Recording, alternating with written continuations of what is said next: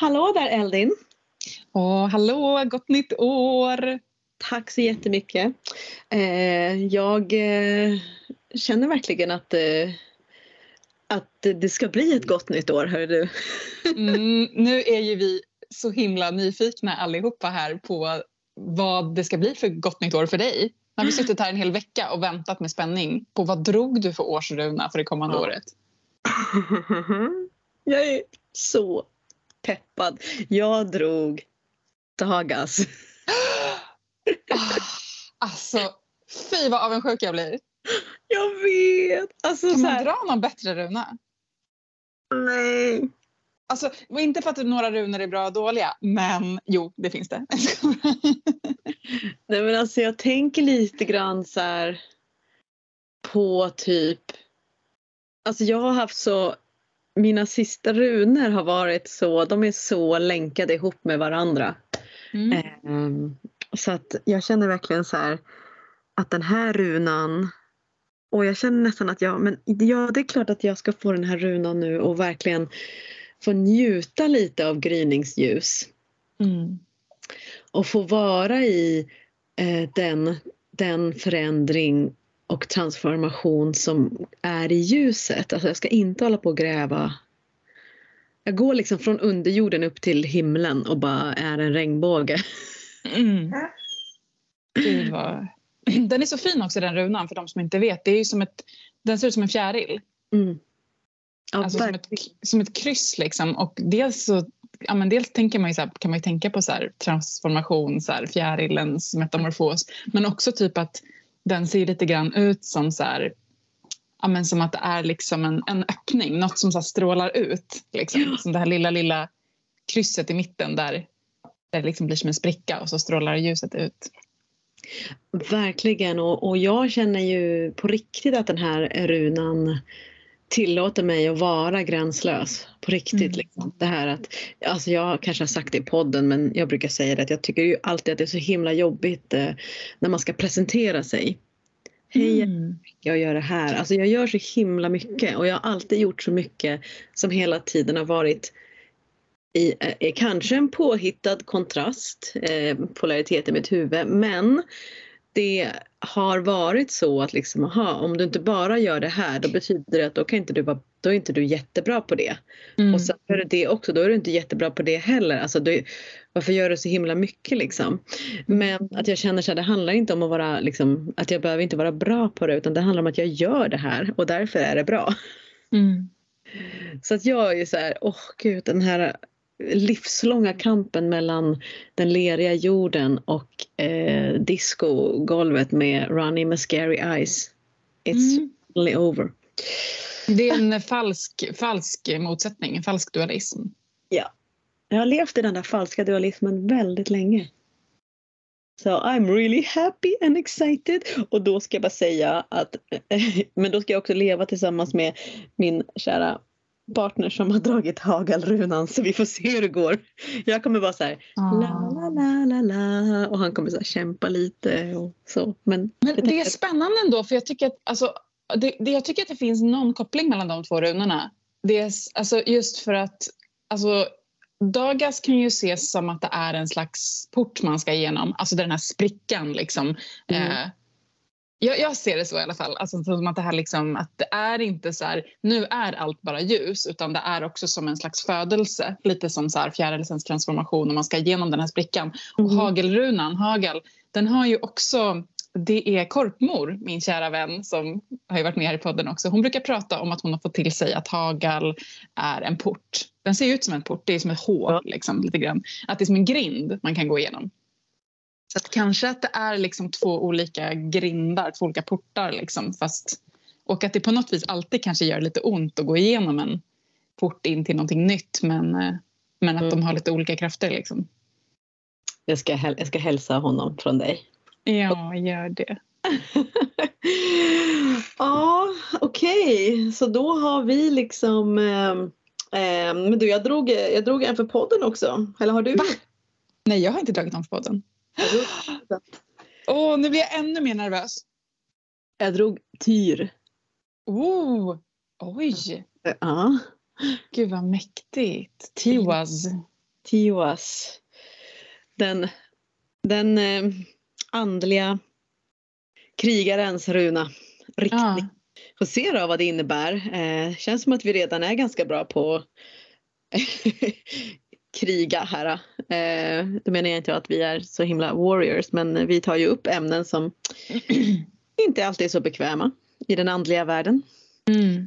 Men eh, vi har ju lite projekt på gång eh, vid sidan av podden så det kanske också är lite infiltrerat med det. Mer om det lär väl komma under nästa år. Mm, absolut.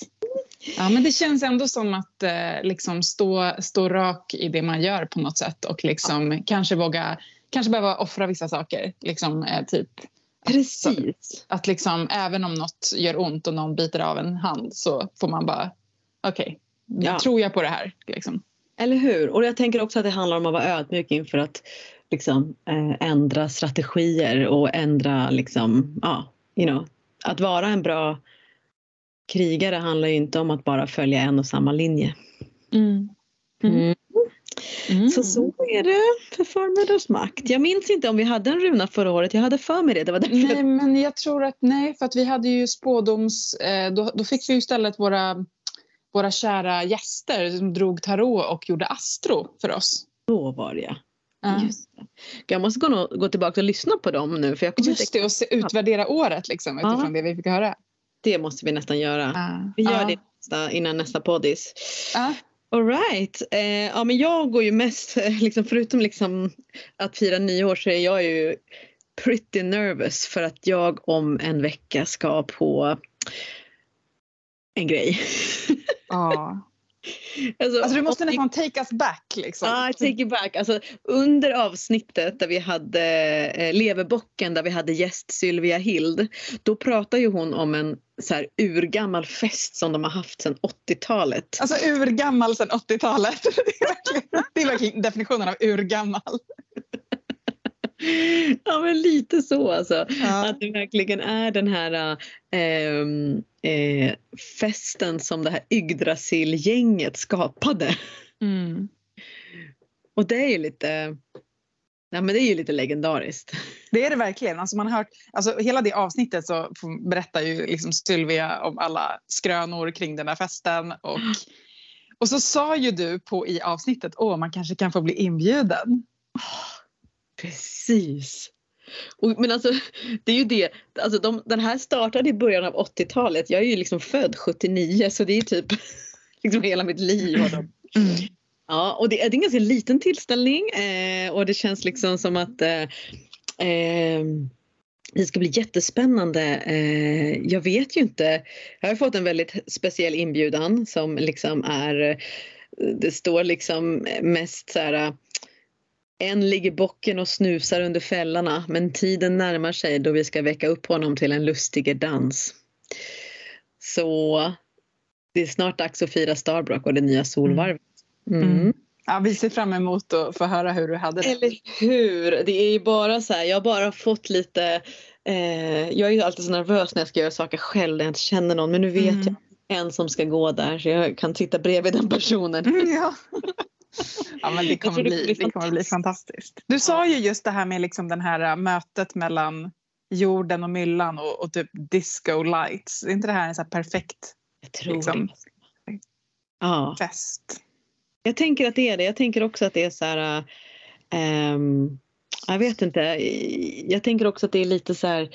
Jag tycker också, jag är ju lite en drama person så jag tycker det är kul Mm. att så här, hypa någonting som säkert kommer vara jättemysigt och härligt och så här Mm. yeah, I've this before. Men det är bara för att det är så här ehm, det är för att det är Sylvia som har skickat inbjudan. Ja, då, det, bara det gör ju att man blir nervös. Ja, exakt liksom. Men ja, det känns eh, superhärligt och ehm, eh, jag är peppad inför det, inför det nya. 2023! Yay. Jag ska berätta allt. Ja. Eh, framförallt kommer jag berätta allt för dig och sen så vet jag inte om jag kan berätta allt, att vi alla kan höra det. Det beror på vad som Mm. händer. Ja, precis. Okej, Mm. idag då? Wow, idag så eh, har vi ju fortsättning på våran eh, runeserie.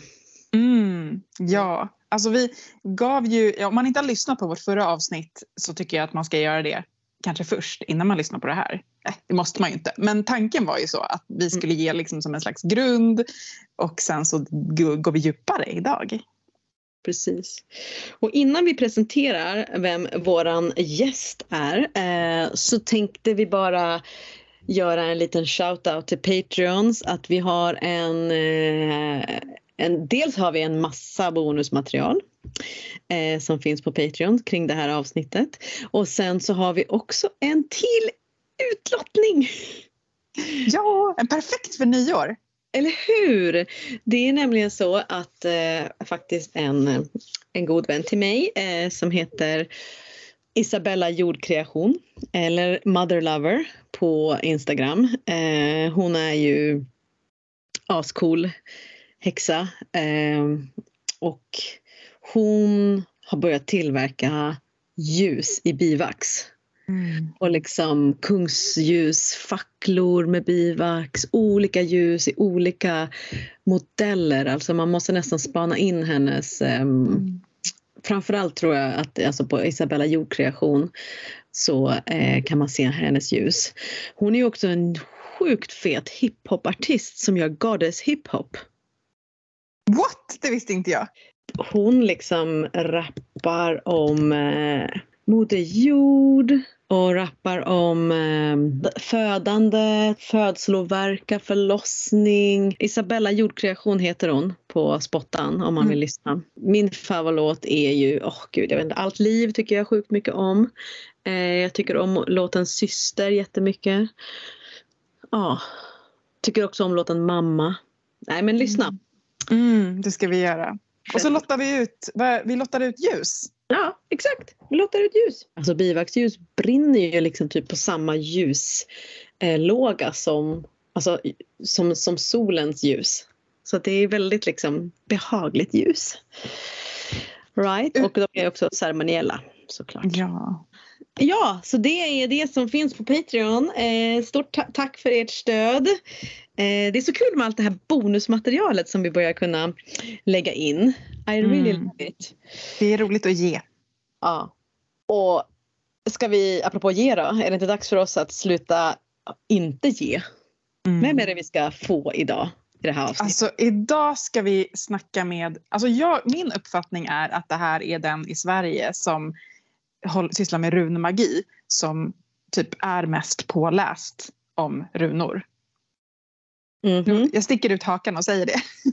Alltså jag, jag säger, jag säger så här, dito, here, here. Ja. Det här är Emilia Blom som också är känd som vildmedicin. Mhm. Och hon, eh, är ju, hon sysslar ju med runmagi, sejd, örter, musik, ceremoni. Jag har ju en egen ingång till henne och det är ju Mm. att jag eh, eh, inte fattade att det var Emilia Blom. Jag började följa henne på Instagram men innan jag gjorde det så har jag sedan 2013 följt hennes episka nyhetsbrev Dags att plocka. Som var ett nyhetsbrev man fick och där det var dags att plocka liksom säsongens örter och vad man skulle kunna Ah. göra med det och så vidare och så vidare. Det är Emilia som har lärt mig att kärleksörten faktiskt innehåller 10% kolhydrater. In case of war kan man faktiskt äta den. Okej. okej. Mm. Så eh, hon är ju extremt, extremt eh, en sån här en människa som har verkligen också gjort så mycket. Det är ju många i den här världen som har liksom gjort mycket och har Mm. flera liksom eh, assets. Så att, eh, Mm. men i det här eh, avsnittet så är det framförallt liksom i och med att hon har eh, Vildmedicin har ett eget eh, onlineprogram som heter Runers årsjul som jag har gått. Som jag tycker Mm. är helt fantastiskt. Eh, Mm. Och om man lära sig att fördjupa sig i runor och runmagi så är det här årshjulet väl värda pengar alltså. Mm. Eh, så, Det, är så, det är så otroligt fint med hennes praktik tycker jag för att den är, alltså hon jobbar ju med, med sejd och, och magi men är så otroligt förankrad i det historiska och liksom det vetenskapliga perspektivet också. Det ena behöver inte utesluta det andra liksom. Nej. Så without further ado, vi välkomnar dig Emilia Blom.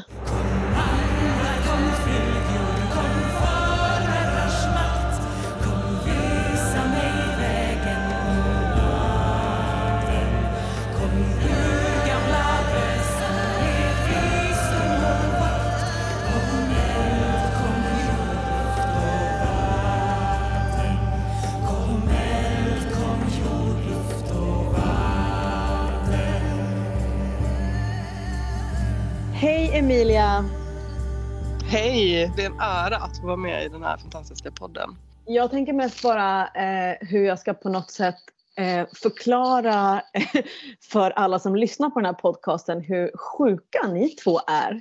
För det första så har ni liksom samma initialer, EB.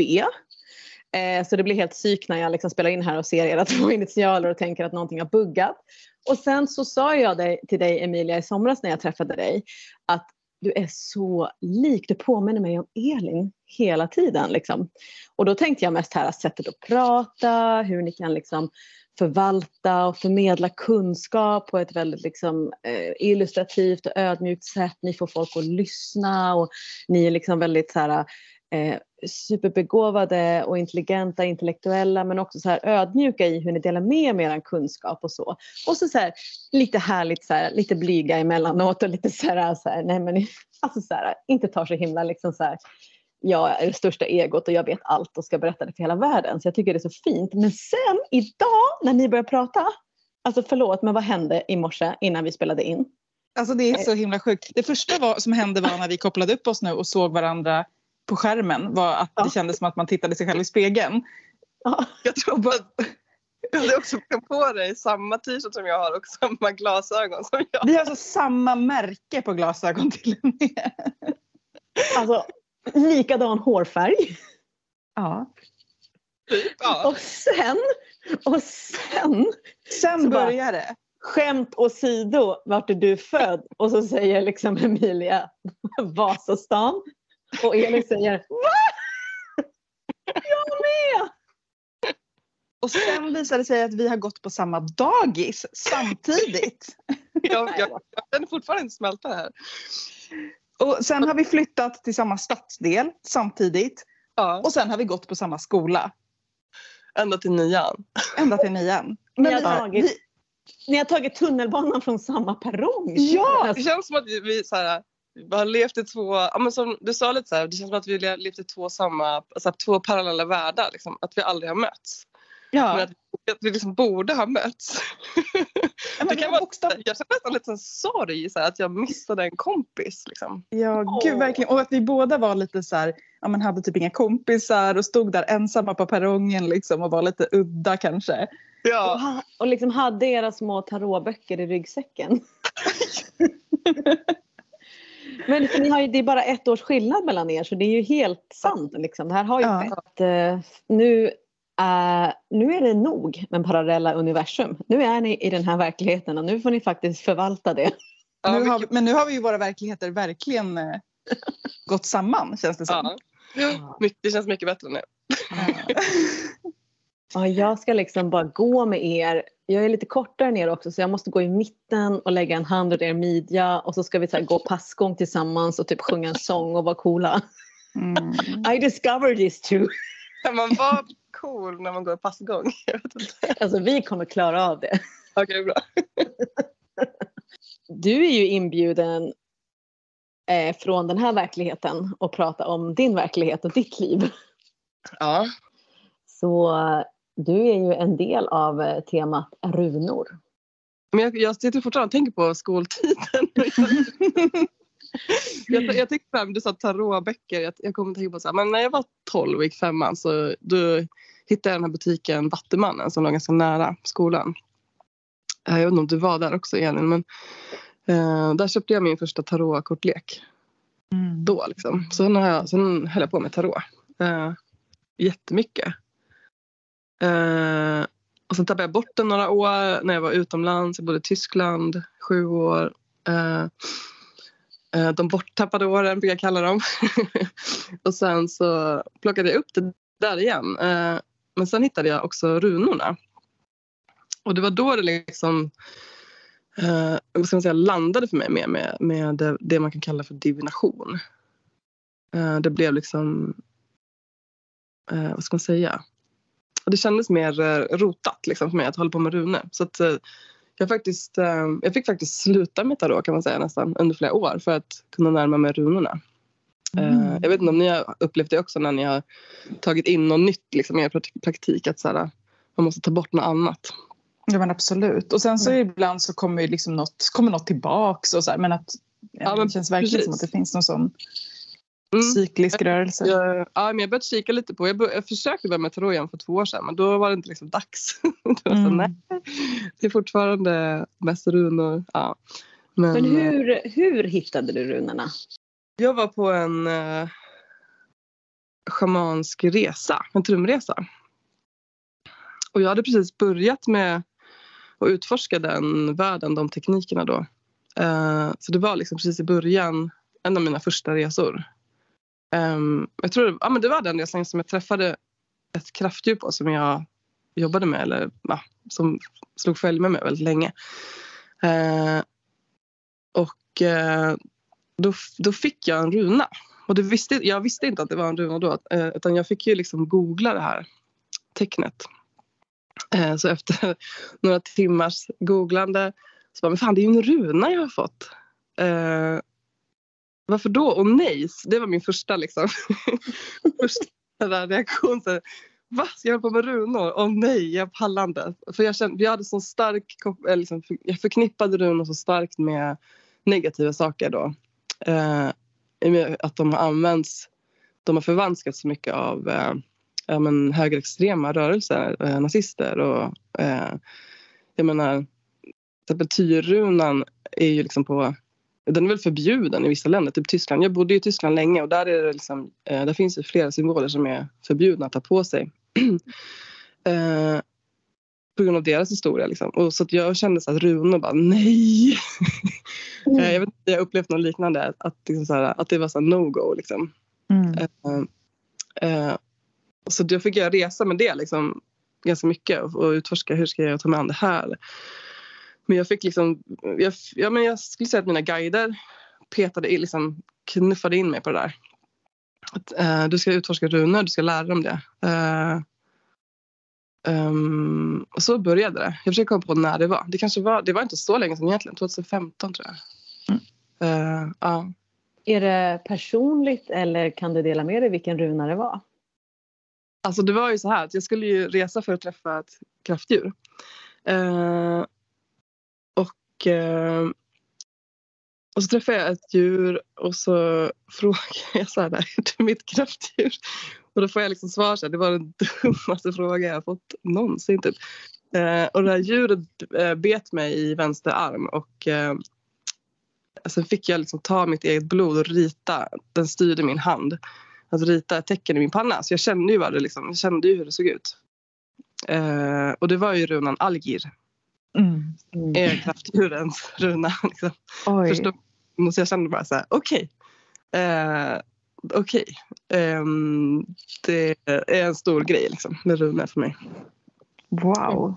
Wow. Ja, så, ehm, så sen dess har det liksom varit Sen dess har jag varit extremt insnöad på olika sätt. Jag har liksom tagit det i omgångar. eh, kan man väl säga. Först dök jag ner i runor. Jag tror att många liksom, som känner sig dragna till runor. Det, det har ju blivit liksom en, vad ska man säga, en trend också. Eller vad man ska säga. Eh, många i Sverige tror jag hamnade i liksom, det första så här, lagret när man börjar researcha. Det är ju väldigt, jag tror att många upplever det som väldigt svårt att ta sig in i material om runor. Jag vet inte om ni har Mm. upplevt det också. Definitivt. Det, är så jävla, det finns så mycket skit Mm. skrivet om runor. Och det finns så mycket, det finns bra grejer också men det tar väldigt långt, eller svårt att så här, hitta vad som är vad. Som är vad. Eh, men för mig är liksom, mitt sätt att lära mig om runor har varit så att två, två delar. Det ena är att jag har, har en animistisk livshållning. Eh, och försöker liksom att närma mig runorna som, som personer eller som entiteter. Alltså de, om allt har liv så har ju runorna också liv och de är liksom varelser som jag kan ska bygga en relation med. Ehm, och min andra liksom, drivkraft är att jag är en sån sjuk plugghäst. Jag är så här nörd så att jag vill så här, researcha och researcha. Alltså, jag, ja. Ehm, det går liksom överstyr när jag ska dyka ner i något. Mm. Och de två drivkrafter, jag försöker hålla de två i balans. Det ena är väl praktik och det andra är... Alltså det animistiska är praktik och research är väl... Eller för sig, research är också en del av min andliga praktik. Alltså att jag liksom... Eh, jag kan så här kalla in eh, böcker. Liksom. Wow. Då dyker de upp. Så här.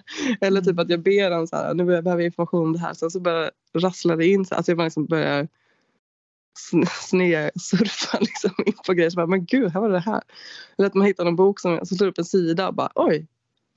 Det var ju precis det jag letade efter. Sådana grejer Men jag, jag tycker det är så himla spännande att du säger att, att research kan vara en del av den andliga praktiken. För att jag tänker att, jag tror att jag tänker något liknande just när det här att när man närmar sig någonting eh, att om man verkligen ska behandla det någonting som, en, som ett väsen som kan berätta någonting för mig Mhm. då måste jag ju verkligen lyssna på vad har du att berätta och där ingår det ju att lyssna på så här, ja men, liksom dess historia.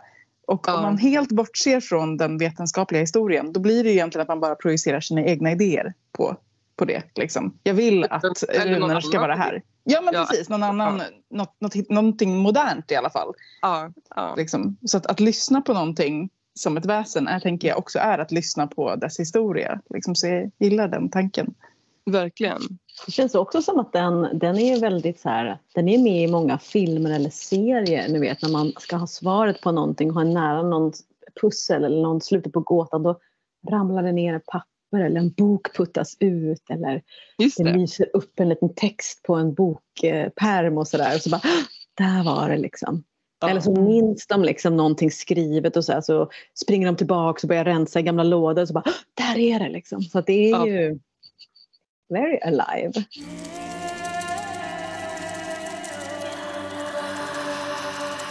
Du har liksom lärt dig om runor genom både praktik och då all research som finns, more or less, eller? Ja, alltså verkligen. Um, och det här med att, liksom, att hitta, hitta saker att läsa om runor. Jag har ju gjort väldigt mycket så att jag typ har läst allt, alltså även trams. Eh, för jag måste på något sätt, jag har på något sätt behov, haft ett behov av att så här, kolla på det också för att veta så här, vad jag inte vill ha med i min praktik. Och vad är Mm. trams då? Ja, det är jättesvårt att säga. Jag, och det, Ja. det- jag tycker det är också... Jag vill inte så här raljera över andras liksom, upplevelser med runor. Så det, det menar inte jag. Utan jag menar att när man, det finns ju många som så här, eh, upplever jag i alla fall försöker liksom konstruera ehm, konstruera, eller så här. Det jobbiga med runor är att vi liksom inte vet vissa Mm. grejer. Alltså så här, vi vet inte. Och för mig är det så här viktigare att så här, sitta med det och känna och säga okej med det. Att Mm. inte veta än att Mm. så här, försöka hitta på Just det. eh, och påstå att så här var det. Eh, liksom på, när man pratade urnordiska. Då, då tänkte man så här. När man, alltså, och det, det, för det vet vi inte. Mm. Eh, och då är det bättre för mig att känna så här, jag vet inte det och det är okej. Mm. Eh, och att, att runorna får liksom... Ha, jag menar så här, ordet runa betyder ju hemlighet och viskning och urgammal visdom. Liksom. Eh, och då får det vara, då, får det, då passar det ganska bra att det är lite. Förlorat i, liksom, ur tiden. Jag ska säga. Att, eh, att det får vara också en resa med... Ja. Så jag kan känna mig... Jag, jag, tycker, jag tycker det blir svårt när man kommer med liksom, påståenden om att... Och sen kan det vara så att någon kanske har gjort en resa med en runa och fått reda på någonting om att så här var det. Och då, då är det absolut fine. Liksom. Och då är det den personens liksom, praktik. Mm. Och den, det säger ju inte jag emot. Förstår jag menar? Mm. Men att så här, äh, ja. Men sen finns det också så här, de som är, som är lite överförsiktiga kring runor. Till exempel inom eh, forskning. Alltså runologi. Så här, då är det ju många som är väldigt rädda för att prata om att runorna har använts som magiska verktyg. Mm. För att då är man rädd för att vara, liksom, låta för esoterisk. Och, så då, kan, då säger många att men runorna var bara skrivtecken. Eh, för att liksom, ja, men kanske för att Seifa inte riskera sin akademiska karriär. Liksom. Jag vet inte. Mm. Mm. Eh, och det kan jag också, det kan jag men, men det börjar ju komma upp även inom liksom, akademin att så här, nej, men runorna användes nog faktiskt eh, till, de användes nog faktiskt också som magiska verktyg men vi vet Mm. inte exakt hur. Men det där var ju så intressant för att eh, vi intervjuade ju professor i runologi och nordiska språk, Henrik Williams, inför det här, liksom, den här Mm. runserien. Och han eh, var jätte jättefina att prata med. Liksom. Det extra materialet finns ju faktiskt på Patreons. Och eh, han sa ju bland annat, liksom, han erkände ju så här, rakt upp och ner eh, att så här, nej men vi var för vi var för snäva och bara liksom tänkte att det kan inte vara magiskt. Liksom. Men nu, nu har vi fått rucka på det. Nu har vi Mm. fått ändra på det och vi har liksom inom forskningen eh, också börjat förstå eh, genom praktik att folk använder runor. I början jag tänkte att äh, de kastar tärningar, typ, vad är det för någonting? Men nu har jag liksom förstått och då när han då eh, liksom har börjat öppna upp för magin då har han också börjat kunna se saker annorlunda. Mm. Eller inte bara han men hela liksom, Mm. forskningsvärlden. Just Ja, det är så spännande. så himla spännande liksom. Mm. Och han berättade bland annat om en, ett, en eh, byggnad på ett hus eh, där någon har ristat runan fä tre gånger Mm. ovanför dörren.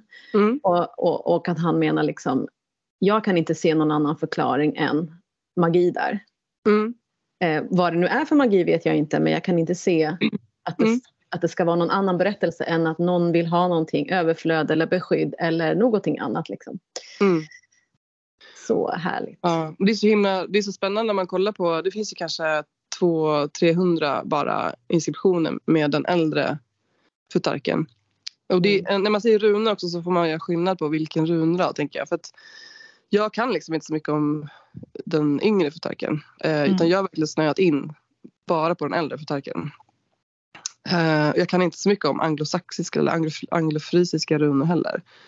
Så, men om man tittar på de liksom, fynd som finns med inskri- inskriptionen i, på urnordiska då, som det språk hette. Eh, så är ju liksom en, en väldigt stor del av de inskriptionerna är ju icke-språk. Alltså som Mm. du sa, fe, fe, eh, runan fe ristad tre gånger. Mm. Det är så här, varför skulle man skriva f på en dörr liksom? Ja. Det är ju inte språk. Men, så här, och då, då finns det ju då är det liksom, tidigare har man då sagt så här, ja men det här var misslyckade försök att härma skrift. Typ. Mm. Men det blir så här, äh, konstigt om en så stor del av materialet faktiskt är så. Eh, Så det är därför forskarna säger att men det, är, det är ett bevis på att runorna används magiskt. Mm. Kan Och bara, det, är ju, men det finns ju också eh, liksom exempel i egentligen alla språk att, att o, alltså ord och bokstäver har betraktats som magiskt. Alltså det är egentligen inte så Mm. långsökt. Varför skulle inte just det här skriftspråket användas magiskt? Liksom? Det, Nej, det finns ju, alltså ju, skriftspråket när det kom så var ju det i sig någonting så otroligt magiskt. Liksom, så det, mm, mm, det är ju helt begripligt. Men man kan ju verkligen förstå ändå att så här, vetenskapen har tagit avstånd från liksom, runmagiska teorier just utifrån att det också har funnits liksom, såna otroligt så här, ja, men, lite som du var inne på, att så här, folk skapar system som egentligen är en... He, det finns liksom inget belägg för dem. Och mm, att det är en sak att ha det som sin egen privata praktik men det är en annan sak att skapa ett system. Och en, ett sånt system som vi pratade om i vårt förra avsnitt är ju det som Mm. Sigurd Agrell skapade. just det, mm, utarken. Utarken. Mm, Eh, som ju har fått så otroligt stort genomslag i Sverige. Mm. Eh, och, och jag, blir, jag blir nyfiken på, just eftersom att du ändå verkar i Sverige och, och liksom så Mm. med runmagi och så här, hur förhåller du dig till de här futarken, utarken? mm. Men det är spännande för att vad jag vet så har inte den fått så stor spridning utomlands. Jag tror inte det. Alltså, om, man, om man googlar runt, ibland dyker det upp sidor på spanska eller portugisiska. Så jag tror att det är några liksom i Spanien som gillar den också. Jag, eh, det finns ju några böcker på engelska liksom också om utarken. Men eh, alltså, det är ju det är lite där och när man är liksom i Sverige och alltså, utgår härifrån och börjar läsa om runor så hamnar man ju där först Mm i liksom författare som skriver och utgår liksom från utarken utan att liksom kanske också så förklara så mycket bakgrunden till det. Eh, jag tänker framförallt på, på jättebra böcker skrivna av Jörgen I. Eriksson. Mm. Eh, runmagi och shamanism tror jag den. Den var ju banbrytande eh, och den är fantastiskt bra. Så den liksom utgick jag från jättemycket under de första åren när jag höll på med, med runor. Eh, så då var jag väldigt mycket så här, ja men då är det väl utarken då liksom som gäller. Eh, men sen efter kanske ett eller två år så började jag så känna att nej. Eh, och det var också så här, jag är ju tyskspråkig. Um, I och med att jag bodde i Tyskland i sju år och pluggade där och så. Eh, så jag, jag, när jag googlar så har jag tillgång till hela det materialet också på tyska.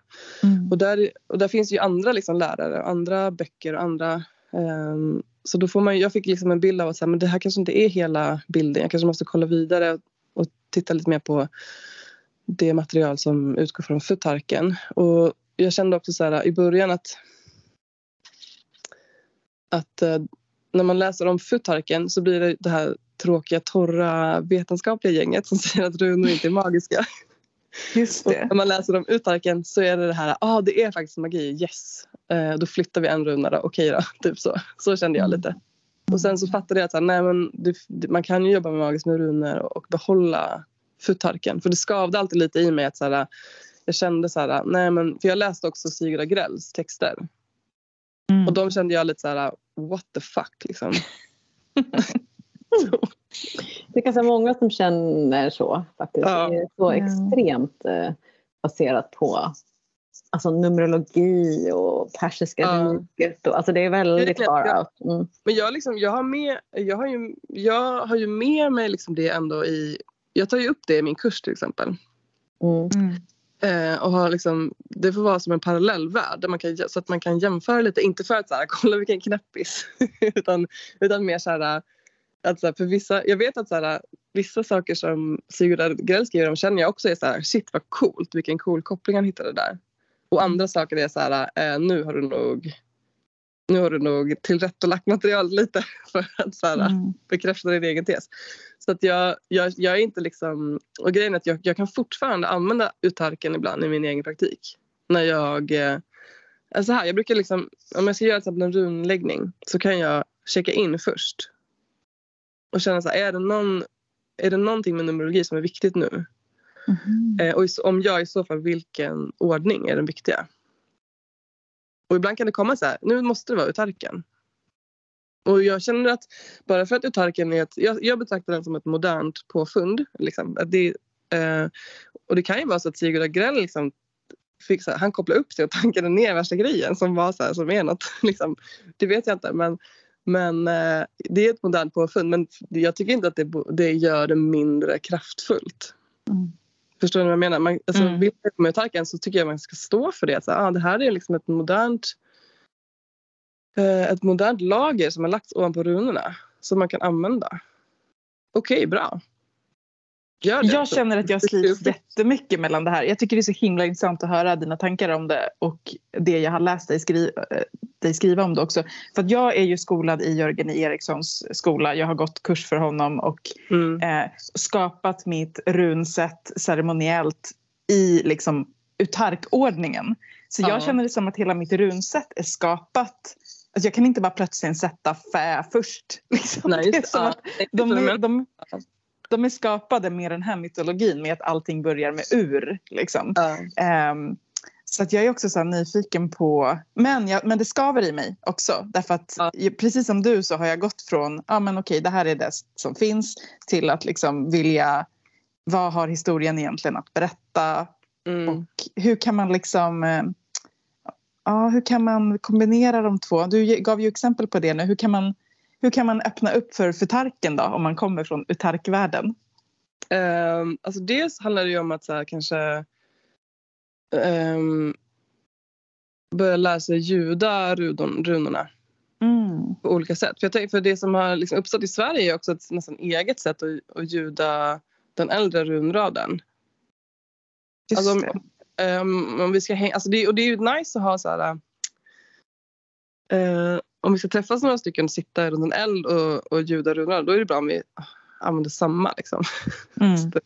Det samma rytm och samma frasering och sådär.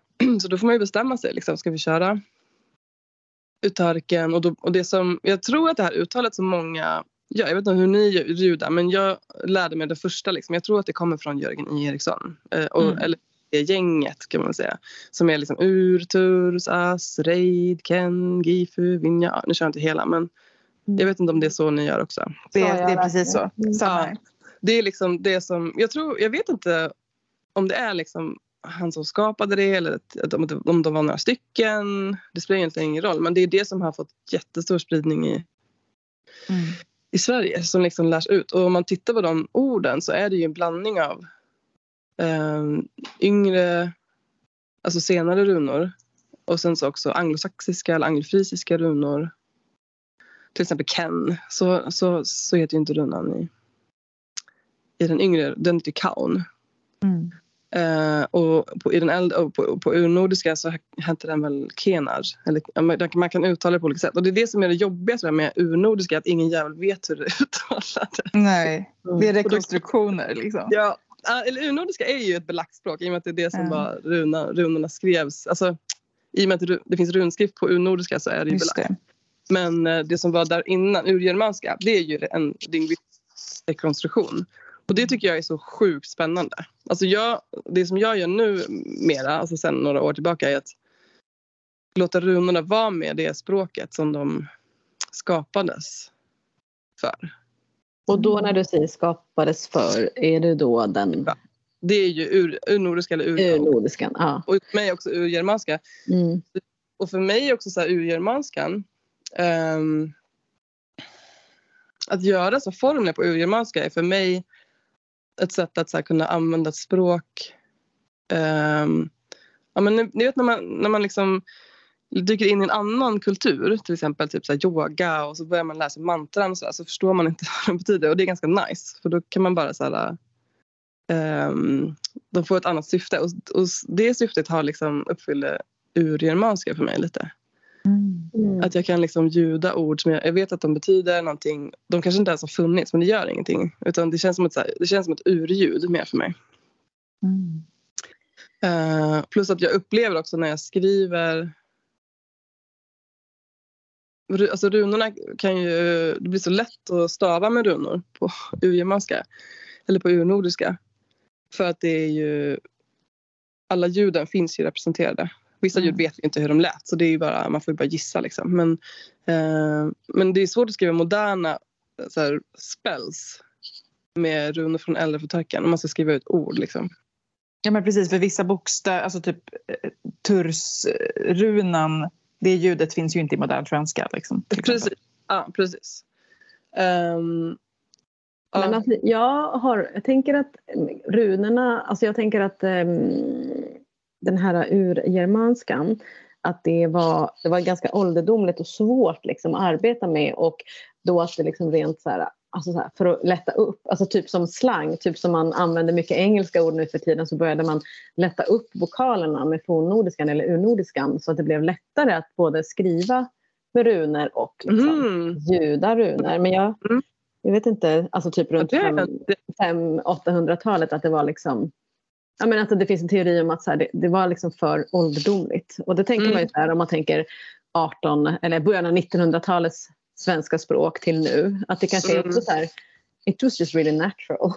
Mm. Alltså språk utvecklas ju alltid. Det Ja. kommer alltid. Och det, det är ju, alltså, urgermanskan delades ju upp i olika eh, grupper. Liksom, till urnordiska och sen också eh, det kallas för nog för urvästgermanska, västgermanska som sen blev liksom de språk som är, talas i nu i liksom Tyskland och England. De kommer ju mer från västgermanskan, om man ska säga. Eh, så det, kom, det är liksom det grenade ju ut till fler och fler språk. Ja, till fler och fler språk helt enkelt. Mm.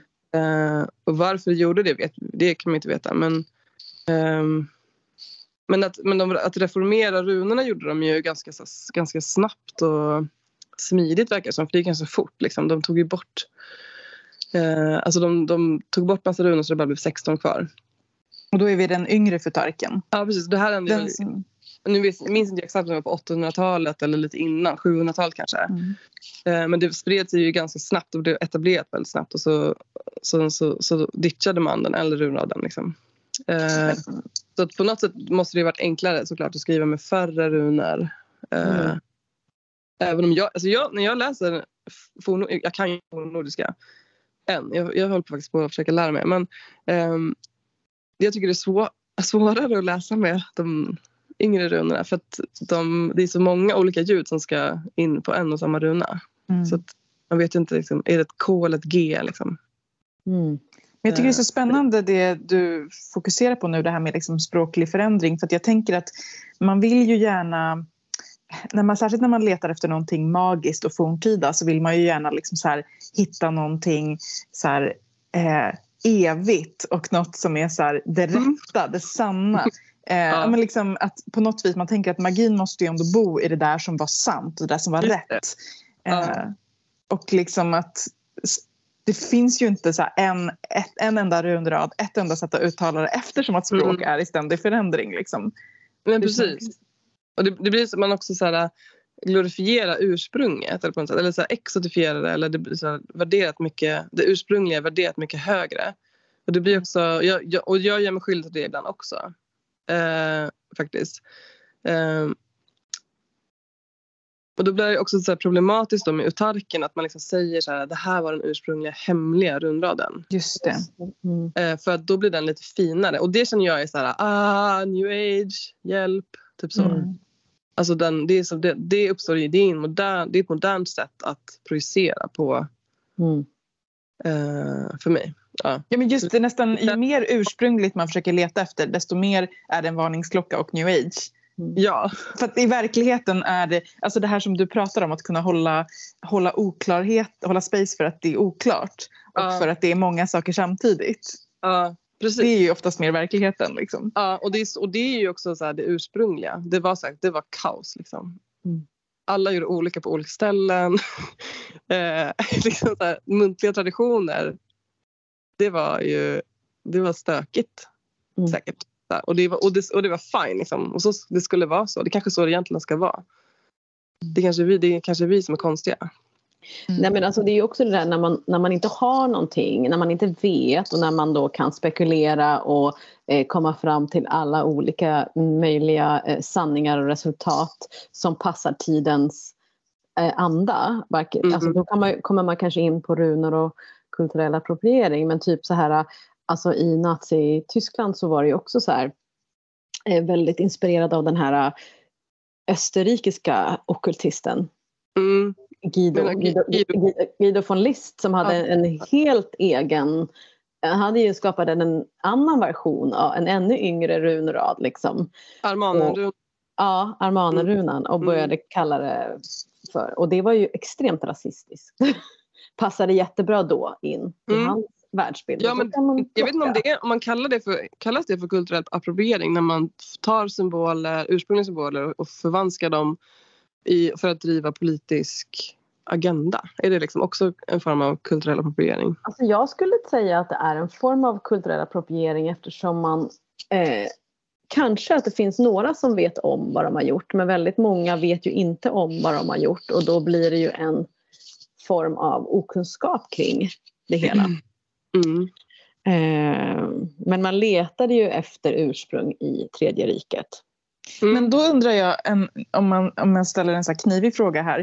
Eh, om det inte är okej för Guy von List att göra om runorna, då borde det inte heller vara okej för oss att göra det om vi gör det fast vi gör det för en god, ett gott syfte. Absolut. absolut. Mm. Nej, men jag, jag, jag, jag tänker att det här, här ligger ju faran.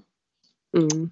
Eh, men då är frågan liksom, hur, kan man, hur kan man på något vis få, få ha fria tolkningar som vi pratar om Eh, alltså, vi pratar om att det finns inte ett exakt ursprung men man får inte heller kulturellt appropriera. Alltså, hur kan man ens använda runor då?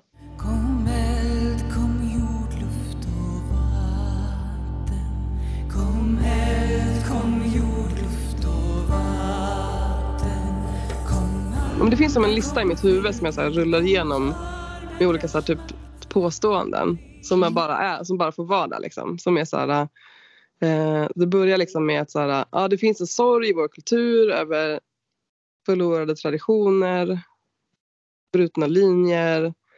Och den finns hos båda liksom, ursprungsbefolkningar som liksom åkte på skiten liksom, för de var i minoritet. Så eh, de hamnade i liksom, den här jävla köttkvarnen som var att skapa nationalstater och dra gränser. Och, ja, ja, ni vet det moderna. Liksom.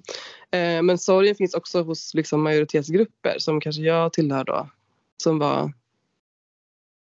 Ja, jag, jag känner mig liksom inte... Jag känner mig hemma i mitt eget land. Liksom. Förstår ni vad jag menar? Mm. Eh, men jag har ändå en sorg över att vi har förlorat traditioner. Och sen så finns också liksom en, en skam då över att tillhöra den här majoritetsbefolkningen och tillhöra en extraktiv kultur. Alltså de som suger ut liksom jorden och eh, att, vara, att vara en kolonisatör. Liksom. Mm. Det är någon slags skam och sorg över det. Och då föds det liksom hos många då en längtan efter en annan andlighet och ett kanske traditionellt levnadssätt eller. Och många kallar det ursprungligt levnadssätt och många vill också så här, säga så här, men vi är också ursprungsbefolkning. Liksom. Fast det är vi inte. men, eh, och sen finns det liksom och ur den här, när den här längtan uppstår då kommer liksom kapitalismen och bara ja, ett behov. Mm. Nu kan vi mata den här längtan och fylla det här tomrummet med produkter. Gud vad nice. Och så skapas massa, då blir det så här kommodifiering av både ursprungskulturer men också av våra egna rötter som är sjukt oklara. Mm. Och där har ju runorna till liksom. Och då behövs det så paket, det behövs helgkurser. Det behövs liksom, och där är jag också med och så här, bidrar säkert. Jag har ju en kurs också liksom. Mm. Så det får jag sitta med också. Att vara liksom en del av det. Eh, sen finns det också andra synsätt som är så här, ja fast nu är ju pengar, nu finns ju pengar. Varför ska vi ha så mycket ångest kring pengar? Det är också en energiform som cirkulerar och det kanske också är ett utbyte. Om man liksom är animist då får man ju tänka det kring, liksom, kring allting. Mm. Alltså även sociala medier har ju en spirit, liksom, en ande och, och pengar också. Så, här. så då, ja. Pengar kanske bara är en energiform liksom, som har flutit in i det här. Och man kanske kan byta pengar mot kunskap och andliga verktyg och traditionstillhörighet. Liksom. Utan att det blir smutsigt. Eller, ja. eh, och så finns det liksom en... Nu bara ramlar jag här. Liksom. Mm, men fortsätt. Men, det är jättespännande. och så finns det också det här liksom att så här, vi liksom moderna människor har förlorat liksom förmågan att ja, men så här, vi vill köpa grejer. Vi har inte förmågan att så här, gå in i kulturellt utbyte. Dels för att vi kanske känner att vi inte har något och så här, kasta in i ringen liksom, där vi ska byta grejer med varandra. Alltså, jag, har, jag har bara pengar. Liksom. Eh, eller så känner man att så här, man vet inte hur man gör när man delar med sig av sin egen tradition. Man kanske tycker den är så här ful och smutsig som jag som tyckte runorna var så här, eh, no-go. Liksom. Eh, om man då skäms över sin kultur då vill man ju inte komma in med den som ett utbyte när man ska lära sig om någon annans kultur. Uh, kan man tänka. men, men så har ju människor gjort liksom alltid. Att de har så här, lärt sig av varandra. Och så har kultur också förändrats. tänker jag. Alltså det är det som är byteshandel och kulturellt utbyte. Mm. Alltså att man har hittat grejer som har färdats jättelångt. Arkeologer har hittat så här, oh men shit, om någon tyckte den här buddhan var fin. Jag tror att man har hittat en buddha i, i typ, jag vet inte om det var på Birka eller jag vet inte, här kanske ni vet bättre. Jag vet bara att den finns på Historiska museet i alla fall i Vikingautställningen. Ja, någon tyckte så att den här buddhan var sjukt fin. Liksom. Eller så kanske, ja, eller, eller använda den som en, jag vet inte, vi vet inte hur den används men den har tagit sig väldigt långt. Liksom. För att så här, folk så här, gillar liksom, det okända och det andra som så här, ah, vad vilka fina grejer de gör, vad häftiga andliga upplev alltså, upplevelser man kan ha med dem. Eh, det har ju, så har det varit över hela världen. Att det är, så här, att det är sjukt liksom det sträcker sig långa tentakler mellan en massa kulturer och har gjort det hela tiden. Eh, med, med liksom utbyten och det är svårt att dra gränser mellan olika kulturer. Det är bara vi moderna som tror att det går att liksom så här, säga att så här, det här var germanskt. Mm. Alltså det kanske var keltiskt också. Och, ja, man vet ju inte liksom, hur det var riktigt långt tillbaka. Och, sen så, och idag så då slår vi varandra i huvudet liksom med batongen kulturell appropriering också. Som är det mm. andra i det här. Liksom, att, det, är, det är så mycket shame, shaming. Liksom. Att, så mm. eh, för jag, och jag märker det i mig själv. Så när jag typ eh, tycker att jag har gjort så här, lite arbetet i mig själv så här, bara, och typ rensat ut så här, bland mina kristaller och så att jag inte använder sånt som jag typ inte får använda. Till exempel vit salvia som är lite så här skämmigt då. Då blir det mm. som att så här, vi, vi, då, tycker, då finns en grupp som så här, tycker att de har städat liksom, avkoloniserat sin praktik och då använder vi det för att så här, shamea andra som kanske inte har det. Och det blir också så väldigt splittrande. Det blir, Eller, väldigt, det, alltså, nej, men det blir ju väldigt splittrande och jag tror att alltså, jag, det här är så superintressant för att um, jag tänkte när jag läste på Södertörn så läste jag en kurs som heter kropp, estetik och sexualitet. Vi pratar väldigt mycket om det som du säger, liksom att allt är, vi har redan bytt vi har redan lånat, vi har redan, det finns allting och det ligger väldigt djupt inkodat i att man vill alltså förstå och lära sig. Liksom. Det finns ett intresse. Men mm. på den kursen så landar vi i så här, hela tiden så här, det är så stor skillnad om du eh, får ett plagg av, av någon som kanske är en ursprungsbefolkning eller någon som har alltså ett, ett, ett ceremoniellt verktyg av någon i gåva och använder den i din praktik än att Chanel syr upp en sån dräkt och går på catwalken och tjänar jättemycket pengar. Mm. Eh, och likadant så här att du köper vit salvia från någon som säljer vit salvia och jobbar med att ta hand om jorden och jordbruket och liksom månar om moder jord än att du köper liksom cleansing kit från Sephora. Mm. Alltså, det är det. Men, men jag tror att man behöver liksom brottas lite med den här äh, separation. Det blir en separation inom grupperna för att man som vit majoritet inte vill man vill inte att det här fina ska finnas något fult för att nu har man hittat det här. Mm. Mm. Eh, men det går ju fortfarande att jobba med det bara man är medveten om vad det är för helhet. Mm. Men jag undrar där, för jag tänker att liksom en, ett resultat av rädslan för kulturell appropriering, och så menar, det är en befogad rädsla för att som kolonisatör så har vi gjort massa skit, så vänder ju sig många då kanske till det, det som är fornnordiskt istället, till exempel runorna. För man tänker så här att men istället för att kolonisera och appropriera andras kulturer nu så ska jag gå till min egen. Mm.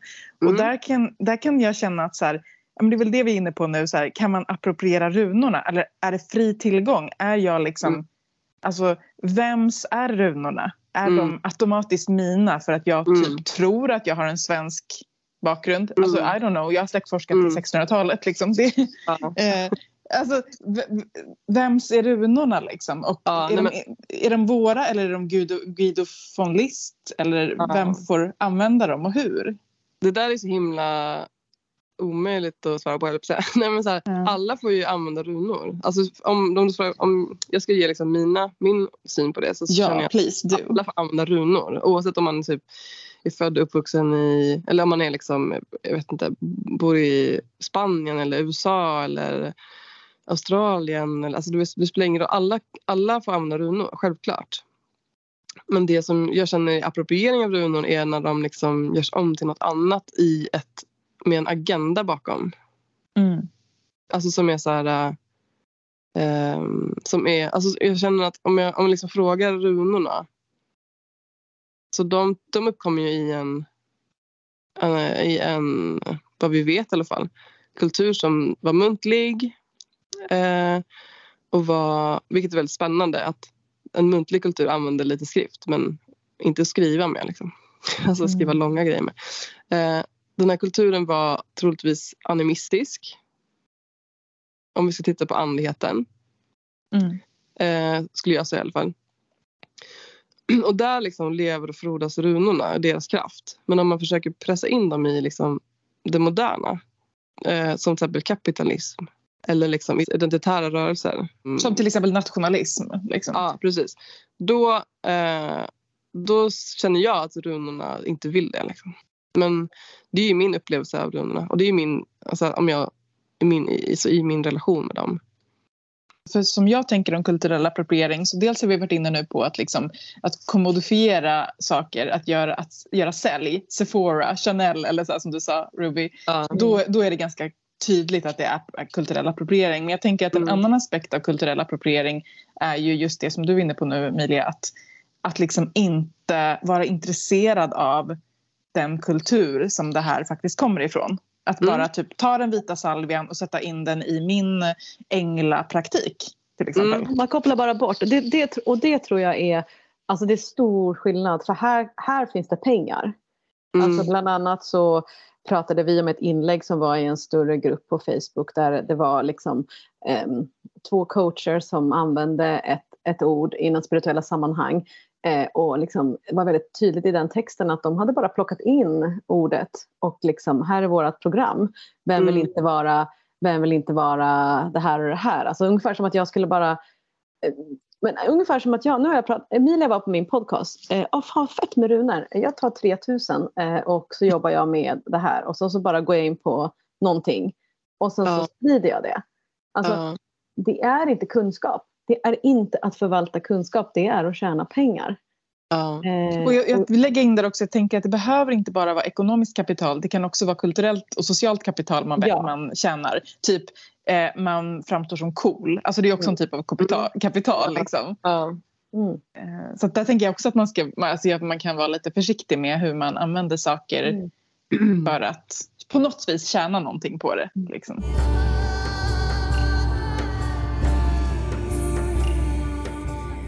Jag tänker så här nu, hur använder jag runorna? Nej, men jag använder runorna framför allt eh, jag drar en runa eh, vid eh, eh, midvinter och sen en vid midsommar.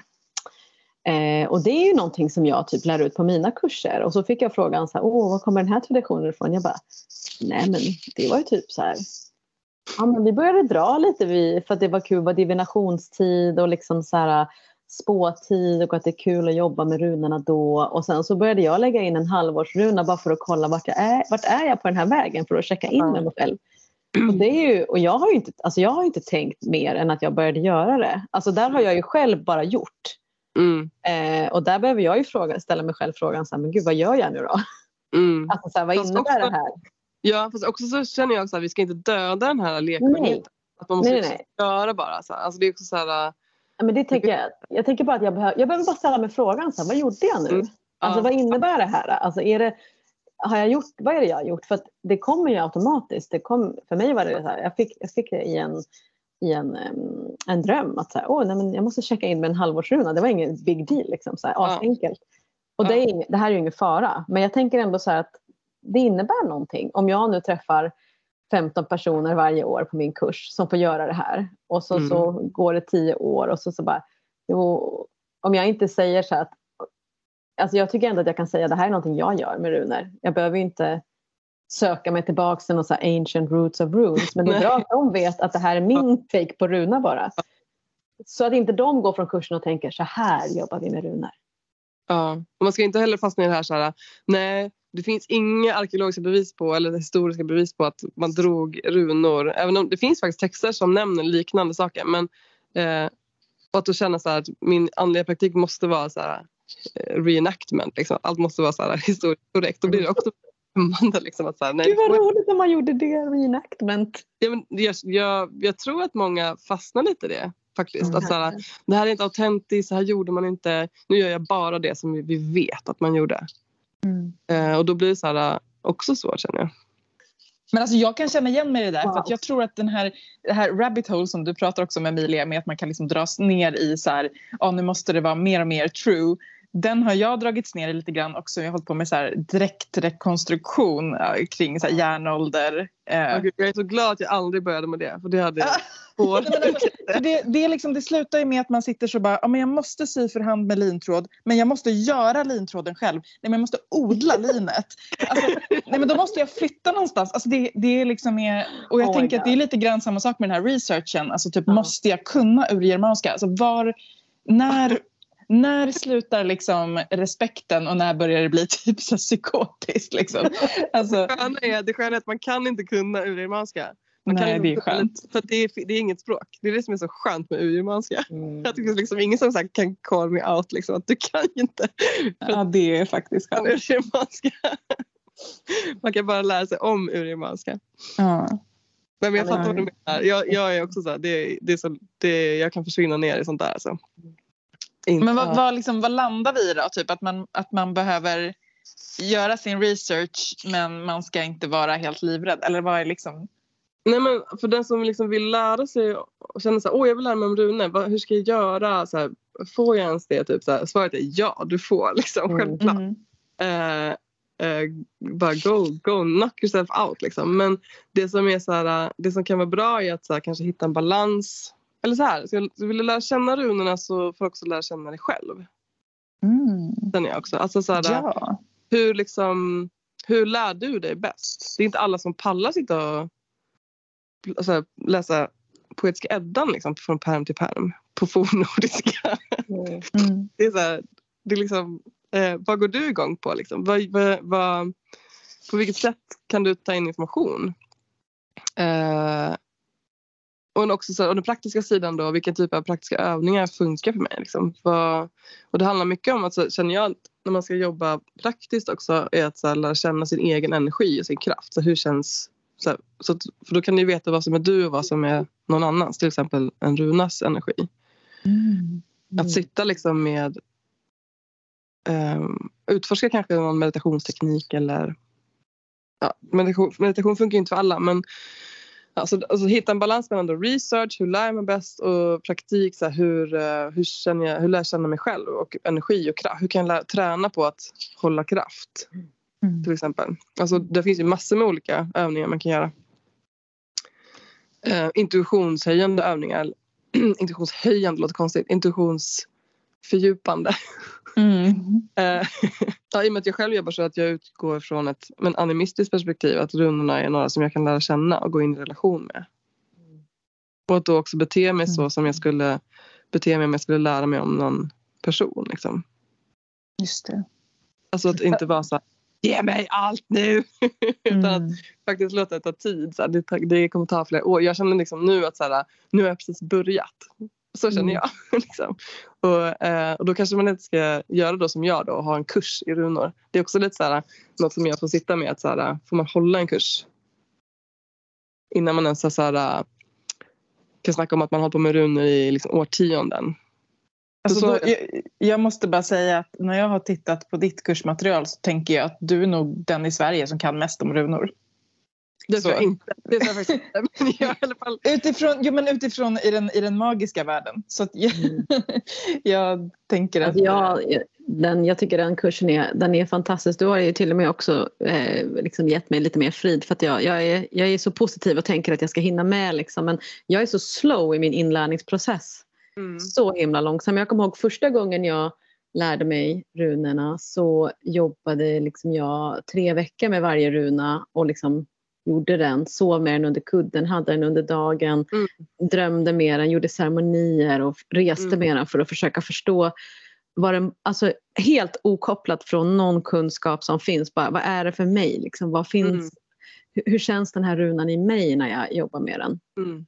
Det är så himla Eh. bra sätt att börja med liksom, tror jag. faktiskt. Ja, alltså för, ja, men jag är så kroppsmänniska. Jag kan Mm. inte ta till... Alltså jag, jag, jag måste göra så först och sen kan jag läsa. För Mm. annars får jag ett... Jag får ett ehm, inget motstånd, för jag älskar att läsa, men det blir ett avstånd. Mm. Mm. Så eh, jag tycker det är så Mm. fint i din kurs också att du ljudar om och sjunger om, alltså gallrar eller vad man ska säga. För det tror jag är, Mm. det är många som liksom bara tänker, även om de inte, även om de tänker att runorna är magiska så används de inte med munnen. Men det är så stor Mm. skillnad. Att kunna liksom eh, gallra en runa eller eh, ljuda eller tona eller sjunga eller locka. Det, det, Mm. det är stor eh, magi i att de får ett ljud. Oh ja. Mm. Eh, Vi vet ju att liksom ordet i många kulturer, också i, i vad ska man säga, germanska kulturer, säga, ordet är, var ju väldigt, väldigt kraftfullt. Mm. Och man kunde Mm. inte ta tillbaka ord. Liksom. Mm. Eh, så därför är ju att kalla in extremt, extremt kraftfullt. Och att rista är ju också att liksom manifestera ord. Mm. Att göra dem liksom... Det har ristats runor säger man och då är det liksom that's a big deal. Liksom. Ja, men precis, och det finns ju exempel också. Det är, nu kommer jag inte ihåg vilken isländsk saga, men där man råkar rista fel runa och då Precis. blir man sjuk. Egil Skalla Grimsson. Ja. Han, han, han räddar en, en eh, sjuk eh, ung kvinna som eh, han hittar liksom i hennes säng ett valben med Mm. runor på ristar på som är liksom, gör henne sjuk. Eh, Mm. och så, så får de reda på vem det var. Det var någon sån här bondpojke som var kär i henne som försökte få henne att bli kär i honom. Mm. Då ristade han fel sorts runor. Han hade inte koll. Liksom. Mm. Jobbigt. Lite jobbigt. ja, så fick liksom Egil undoa den här formen då och rista nya runor så blev hon frisk. Eh, Men det där tror jag att jag har med mig jättemycket i, alltså apropå att folk kan ha lite så respekt och lite, så här, en liten rädsla för runorna. För jag tänker också på så från Havamal när, Mm. när liksom Odens, vet du hur du ristar skall? Vet Ja, du hur du, alltså, och då känner jag alltid så här, vet jag hur jag ristar skall? det, är så här, det kanske man ska fråga sig då varje dag liksom, lite grann. Ja. Eh, Och det är en del av lärnings, inlärningsprocessen. I Havamal står också att man ska vara tyst när man ska lära sig om runor. Eh, Och Alltså, sen de facto också att det finns ett offer. Alltså, Oden han offrade sig i nio dagar för att förstå Mm. de här runornas magiska innebörd. Så det är nog inte bara att kliva rakt in. nej, inte heller. Nio dagar hängde han i Yggdrasil för att förstå. Ja, ja, Mm, mm, mm. ja. Och skriket också, att han, att han plockade upp dem med ett skrik. Och det är att Ja. ljudet är med liksom. Mm. Just det. Mm. Men, men samtidigt så ska man också, men det står ju liksom, frågar du om runor som ristats av gudar och målats av visa män. Lär dig de mäktiga makterna detta. Tyst tiga är bäst. Vad betyder det då? Alltså för mig, eller, eh, för mig betyder det att den här tystnaden, att, eh, att, eh, att liksom också så här, eh, att det är framförallt en inre tystnad. För att kunna möta runorna så måste du vara tyst. Mm. Mm.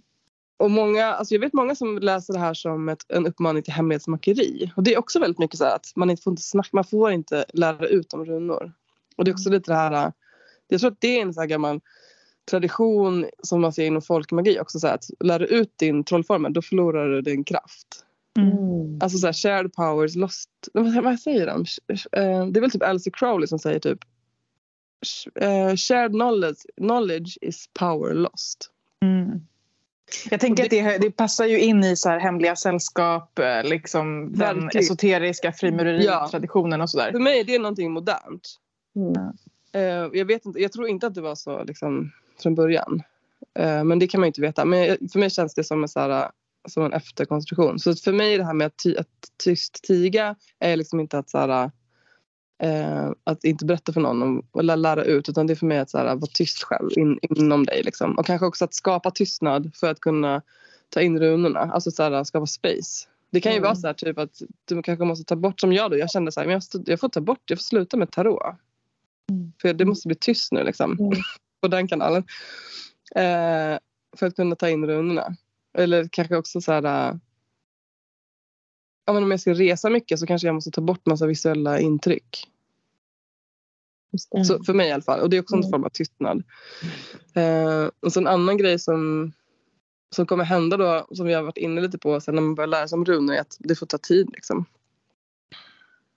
Och inte bara får ta tid. Jag tänker att med, med mycket av de här, vad man än går in i, liksom, så tänker jag att för mig är det en, en nyckel till att veta, så här, gör jag det här med respekt eller inte? Det är liksom, Mm. kastar jag Mm. in det lite hastigt eller låter jag det ta tid? Liksom? Mm. Mm. Mm.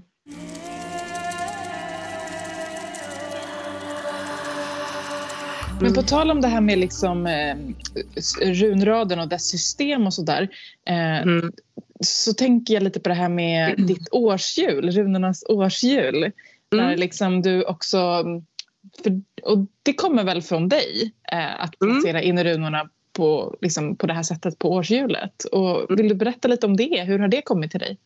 Alltså själva placeringen eller så här, det finns ju, det finns ju säkert andra, eller det finns många som, som lägger ut runraden runt årshjulet liksom, i, i Mm. rundrad ordning. Mm. På olika, och så har de olika runor på olika ställen. Det, där, det har inte jag hållit på med så mycket alls. Eh, utan när, jag gjorde, när jag ville skapa min kurs, eller så här, jag kände så här, ah, jag vill göra en kurs om runor.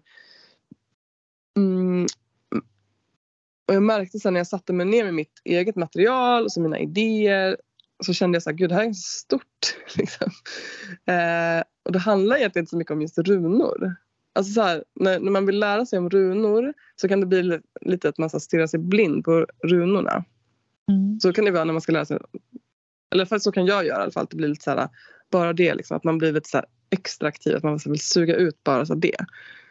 Förstår ni vad jag menar? Och då känner jag så Mm. att nej men så vill inte jag jobba. Liksom. Jag vill, det blir så forcerat.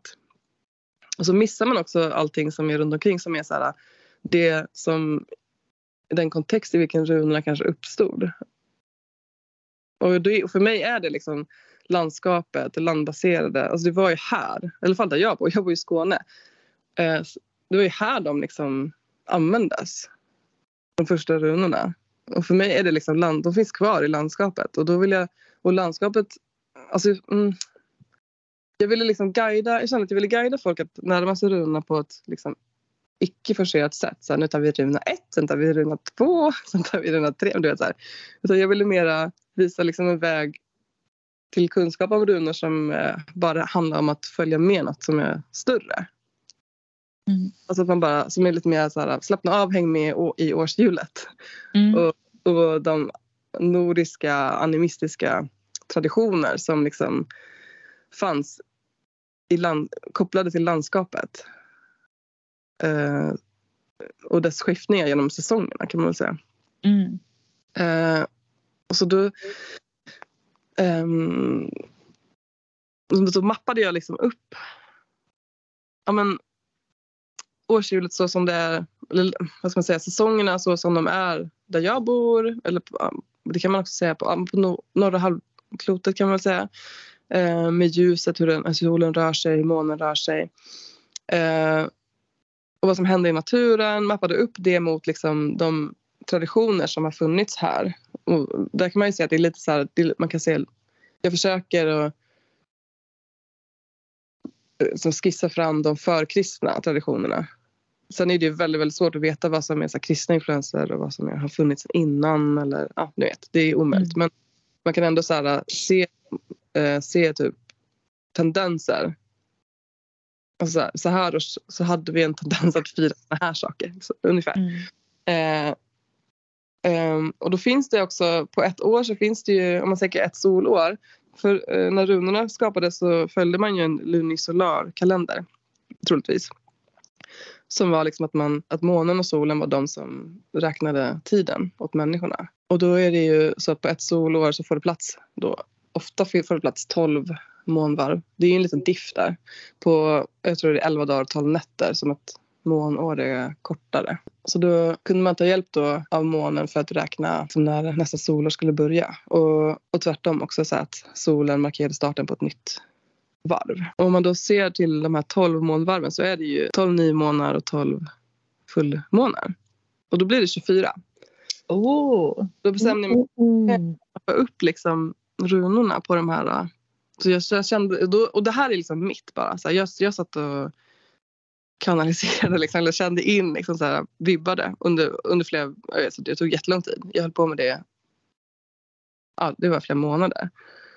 Som jag satt och flyttade runor och bara, nej men det kanske ska vara här, nej men här känns det bra. Och så, här, och så, så hittade jag liksom så här, men det här är så här, runor som passar på nymånar, det här är runor som passar på fullmånar, det här är runor som passar på vintern. Ja, men så här, Mm. Tills jag landat i att alla runor låg på ett bra ställe där jag kunde berätta om så här, en nymåne, ett nytt månvarv startar, vilka traditioner finns, eh, hur, hur, vad händer i naturen, eh, vilka energier är det och vilken runa matchar de energierna.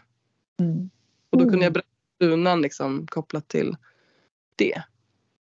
Så jag säger inte att så här, nu måste man alltid vandra med den runan då. Alltså alla runor finns ju alltid, precis som att alla element alltid liksom finns närvarande i naturen alltid. Så för mig handlar den kursen om att så här, komma närmare landskapet, eh, utforska animistiska traditioner som är liksom de som har funnits i norra Europa. Och så, och så åker runorna med. Liksom. De, guide, de är kanske guider mera. Och så blir det inte så fokus på bara runorna. Och det är inte som att du menar att så här, eh, i, på sommaren då hade folk en högtid för eh, typ den här runan. Utan, Nej, nej, nej. nej. Bara för att förtydliga ifall Ja, ja. Liksom, Nej, nej, nej, nej, nej. Alltså gud. Verkligen inte. Verkligen, verkligen inte. utan runorna, runorna liksom, du har kopplat ihop runorna med typ Nej, den precis. Men jag energin som finns. Jag Liksom. blir ledsen om några om några år börjar kalla typ så här, årets första nymåne för tyrmåne bara för att jag har runan Tivas där. Liksom. Förstår ni vad jag menar? Det, så vill jag inte att folk ska göra. Men det kan man väl göra, men, men att det, är inte, det är inte en historisk koppling utan det är Nej, en men, och, nej, men, och göra det och sen, säga, energikoppling. och sen säga så här, så här hette den månen Just det. Ja. 2000 år sedan. För det, Ja. så ska vi inte Nej. Nej, det skulle jag inte vilja. Ja, nej, men jag hoppas att de som går min kurs dels känner att de lär sig om runornas bakgrund, vad ska säga, historiska bakgrund men också om hur man kan använda dem i, för att närma sig landskapet och alltså sin, ja, sitt ekosystem och utforska animistisk praktik. Mm. Eh, och de liksom gudar och gudinnor och gudomar och förföräldrar och alltså allt som hör till. Liksom.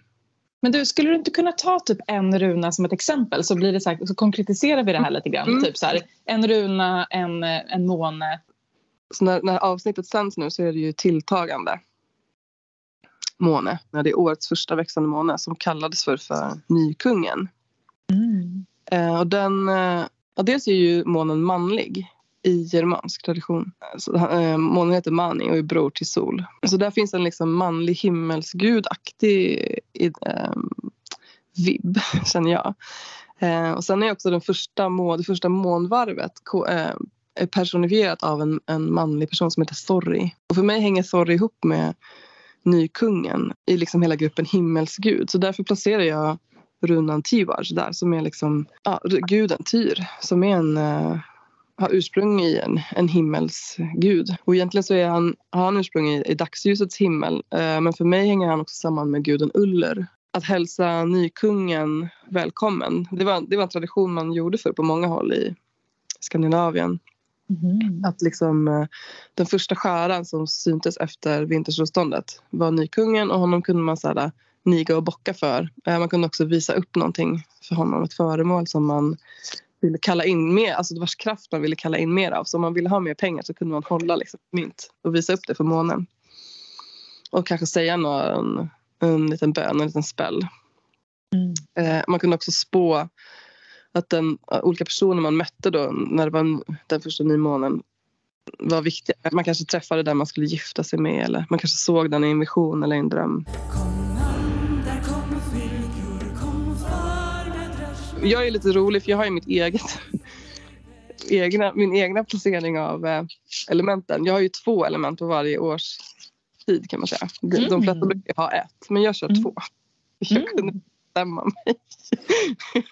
Eller så här, det, är, det var inte så att jag inte kunde bestämma mig men det, var, det är mest att jag ser elementen mer som, så här, som att de jobbar i dynamik med varandra. Om vi går tillbaka till eh, när världen skapades, yin och agap, så var det is och eld. Så det finns en polaritet där som driver hjulet kan man säga, för mig i alla fall. Mm. Och, där, och det finns i varje säsong också. Så i, i, i vintern så är det en polaritet mellan jord och himmel för mig.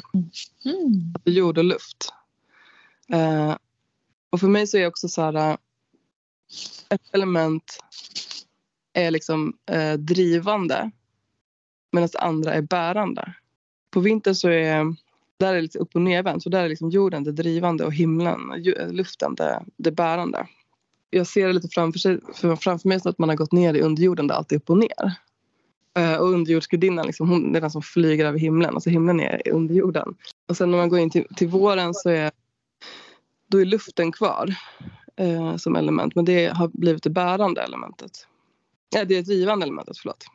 Mm. Medan man har en eld som kommer underifrån som är liksom det hållande, alltså jordens eld. Eh, och kommer vi ner till sommaren så blir elden det drivande. Och då kommer vattnet in som det bärande som håller, för mig håller vattnet solen som badar på vintersolståndet. Och sen börjar det röra på sig i vattnet och blir det drivande under hösten som när krafterna ska neråt i jorden som är hållande. Så det har, det har ju influerat hur jag har placerat runorna kan man säga. Så otroligt spännande sätt att, eh, att liksom vara med och leva med elementen och runorna och så på, ett, på ett djupare sätt, tänker jag. Verkligen. Det, det är svårt det där med att placera ut element för det kan ju också förvirra människor mer än vad det hjälper. Liksom. Mm, det, är väl, liksom- det viktiga är väl det som du sa, att liksom alla element finns ju närvarande hela tiden. Alla runor finns närvarande hela tiden. Men det är väldigt hjälpsamt att eh, vara, fokusera i, i tider för att liksom också ja, men bli uppmärksam på hur de träder fram. Och, Mm. Alltså det är Jag svårt tror- att vara med ja. 24 runor samtidigt. Liksom. Mm. Ja, verkligen. Ja. Tänkte nu när jag eh, sa hej då till de som har vandrat med mig. Jag sa bara så här, i princip så nu, har jag, nu kan ni glömma allt jag har lärt er och göra vad ni vill göra själv. För att det här är ett system, eller det här är ett sätt att vara och så här plocka. För att i den här magiska världen så är ju återigen om vi talar om det som vi talade om innan med vem får göra vad, kulturell appropriering. Det finns ju faktiskt inga regler. Eh, men det finns vissa regler som man behöver förhålla sig till och det är de är så här, verkligen så här, eh, essentiella som handlar om så här, ja men alltså så här, bruka inte våld, förstör inte, typ sådana regler. Men när det gäller just det här hur, hur kan du få in det här i ditt liv så att det passar så att du kan jobba med det om du nu vill det.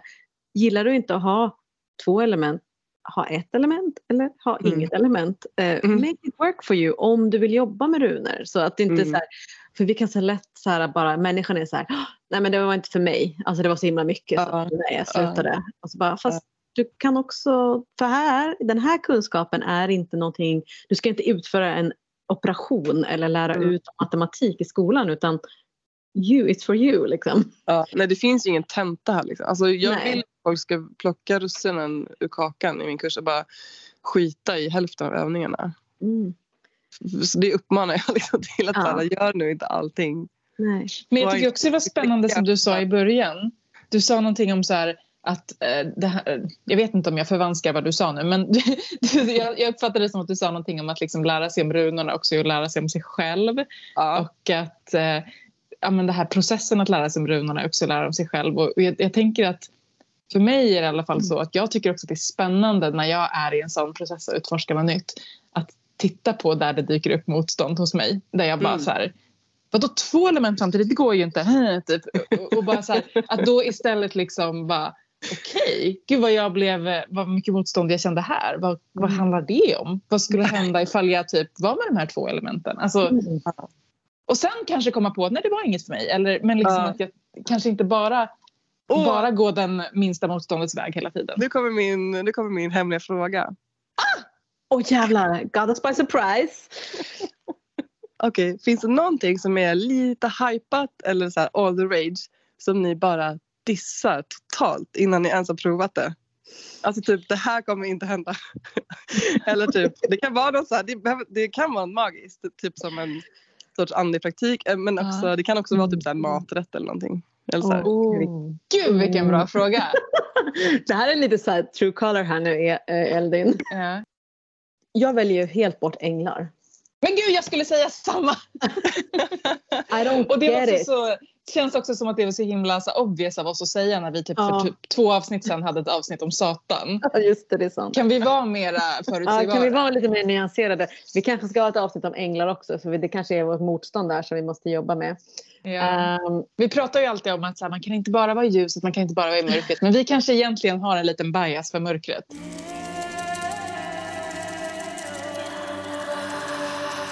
Men Emilia, det är ju liksom när man får den här, alltså hela dig, när man får hela dig så som vi har fått hela dig nu här eh, och kan då tänka att man skulle kunna gå och få ännu mer av dig ett helt år på den här runkursen. Det är så helt jävla otroligt. Alltså, jag har ju som sagt inte gjort alla eh, kapitel, jag har gjort eh, fem kapitel men eh, få, har ju fått, som du är så bra lärare som släppte in mig igen. Eh, den är ju så fördjupande och vi har ju liksom lyckats få inte var så, det var inte så svårt att övertala dig, liksom, men vi har fått till alla på Patreon så har vi fått två stycken liksom, eh, avsnitt eller två stycken delar som finns som, eh, på, på, den här kursen som ni kan gå in och bara liksom, juica er i. En om bindrunor och sen en eh, bonus om trädmagi. Och inte nog med det. Du har spelat in en speciell fucking jävla your way of urgermanska ljudning av eh, förtarken, eller hur? Ja, nej men, eh, med trumma och liksom hela kittet. Um, jag tror att jag kommer, ja, men det blir att jag ljudar den nio gånger så man kommer in i det ja. lite så kan man liksom ja. ljuda med. Uh, och... Den tycker jag vi måste lägga för alla Patreons, Eldin. Mm. Ja, ja, men det gör vi. Ja, eller hur? Mm. Ja. Precis, annars brukar vi vara så att det är på liksom lover-nivå uppåt. Men eh, den där ljudningen tycker jag alla bara kan ta del Nej, men, av i nyårstid. Den kan vi alla få, så kan pdf-erna vara lite mer exclusive. Oh, du tänker så? Ah, ja, okej. Ja, men jättefint med både, för vi har inte pratat någonting om bindrunor, hur man kan använda dem magiskt nu. Men då får Nej. ni in på Patreon och kolla där. Och, eh, eh, men också jättefint att få, få höra ljud, runorna ljudas eftersom att vi har pratat om liksom att om det finns många olika sätt att uttala dem och, Mm. och sådär. Och det här är ett sätt och eh, liksom att verkligen få uppleva Mm. liksom med trumma och allting. Så supertack för att du delar med dig av det. Ja. Och Ja. in och bara kolla vildmedicin på Instagram och kolla Runers årshjul. Eh, vi länkar till alla dina sidor såklart. Eh, för att det är väl investerade faktiskt eh, pengar i den här kunskapen som du ger. Det är helt otroligt. Alltså, precis som Elden säger, jag vet ingen som har gjort ett sånt gediget arbete vad gäller magi och runor. Så är ni intresserade for real, this is it. Völvans spådom. Från dåtid till nutid till framtid. Vi älskar och tackar er Patreons från djupet av våra hjärtan. Tack, tack, tack. Puss, puss, puss. Ni är otroliga. Så en av de saker som vi gör för att hylla er, det är ju att varje vecka så drar vi en utav er som blir föremål för völvans spådom. Låt völvan tala. tala. Den här välvans spådom går till vår fina Patreon Anna Voigt. Tack Anna! Mua, mua, mua, mua. Gud, vad du är grym. Tack. Ja. Och den varelse, det väsen som kom till mig när jag satt med ditt namn kom verkligen med bara BAM! Det var liksom inget smygande här. Hon kom ridande på en tiger. Med vapen, svärd, sablar i alla sina händer, för hon hade många händer. Vet ni vem jag pratar om? Alltså jag tänkte på Durga här men jag vet inte. Ja, du vet visst. Ja, Ja, det måste ju vara Durga. hur? Tiger och massa vapen. Ja. Den eh, indiska, hinduiska gudinnan Durga. Mm. Eh, och alltså kändes bara så himla skönt när hon kom. För att hon kommer så himla så här och inte ber om ursäkt för sig och bara tar plats. Alltså hon är liksom inte så här eh, hon känns inte så här våldsam och typ i rage utan hon är liksom så självklar och bara har sina gränser liksom. Mm. Och, ja, men hennes myter handlar ju jättemycket om att alltså, hennes roll är beskydd. Och, ja, men hon är liksom också en modersgudinna så det är liksom hennes beskyddande roll som moder. Och, så liksom, det är inte det att hon typ går ut och så startar krig utan det handlar liksom om att så här, vara den som står i första ledet och liksom försvara det som behöver försvaras. Väldigt liksom, lugnt men bestämt. Um, och ja, men det finns ju många sådana myter där hon liksom försvarar just mot olika så här, demoniska krafter och som, som hotar freden. um, och som hotar liksom, ja, den, man kan säga liksom det ödets ordning eller liksom, ja, vyrd, urdsväv eh, Mm. med, med liksom våra nordiska ord. Det som kallas för dharma eh, i hinduiska. Och Ja, men hon, och hennes namn, alltså det finns många olika tolkningar på, på namnet Durga. Men ett sånt namn är the impassable, alltså den opasserbara. Alltså den som håller Mm. en gräns. Och bara Mm. här kan man inte passera. Med alla de här armarna med, med de olika vapnen. Liksom. Och, ehm, och, och hon, hon är jätte liksom ehm, jätteuppskattad och tillbes väldigt mycket inom... Liksom, alltså hinduismen har ju så olika grenar. De tre stora är ju shaktism, shaivism och vaishaivism. Vaishaivism. Mm. Och hon eh, liksom tillbes framförallt inom sha- shaktismen som är ju den som är så gudinnecentrerad. Och framförallt så är det då eh, om, liksom, om kvinnor som kämpar för någonting som har att göra med liksom, rättvisa eller där, man liksom, ja, rättvisa för kvinnor så är det ju framförallt Durga man, man åkallar. Liksom. Så att jag fick bara jättestarkt till mig, Anna, liksom, att det här handlar om gränser och att beskydda det som behöver beskyddas.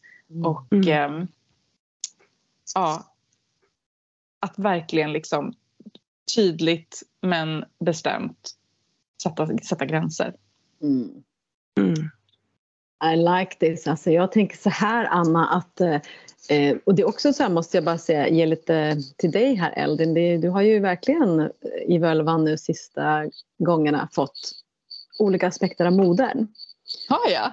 Guan, Guan, Yin, Guan Yin förra gången Just det. och sen så nu Durga. Alltså det, det är också det här just att eh, det är någonting med så här, just modern innehåller verkligen den här Durga-arketypen och Guan Yin. Alltså de finns i en och samma energi och it is okay to be both. Det är lite Mm. grann det att så här, ehm, det, den här gränssättningen för att nå dit, vi måste nästan alltid gå igenom vreden eller ilskan. Och jag skulle vilja slå ett slag här för att kunna jobba med ilskan och aggressiviteten så att den blir till vrede. För att vreden kommer inte ta din kraft ifrån dig, vilket ilskan och aggressiviteten gör. Folk vänder sig bort, ryggar tillbaka. det är inte gränssättning.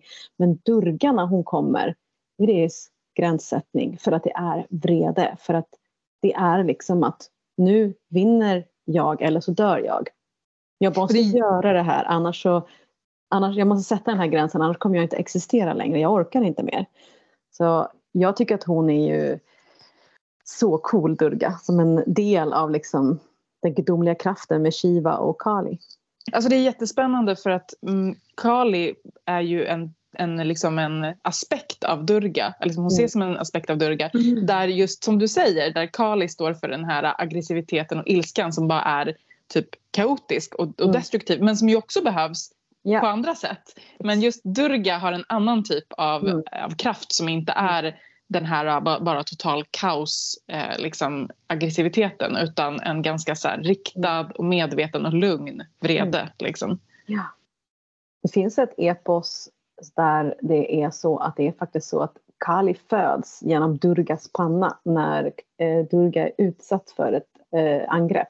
Så frö, fö, föds Kali ur liksom den här kaoskraften och aggressiviteten och ilskan för att hon måste kunna eh, når inte fram liksom, till den här vreden utan att det där störiga, asjobbiga finns. Säger du Mm. Emilia? Wow, vad ni kan. Jag har aldrig lärt mig så mycket om just hinduisk tradition. Mm. Eh, jag är imponerad. Eh, när du berättade om hon som kom ridandes på tiger så såg jag framför mig också en liksom besläktad bara siluetten liksom, av Hyrokin Åh. på en varg och håller ormar i händerna.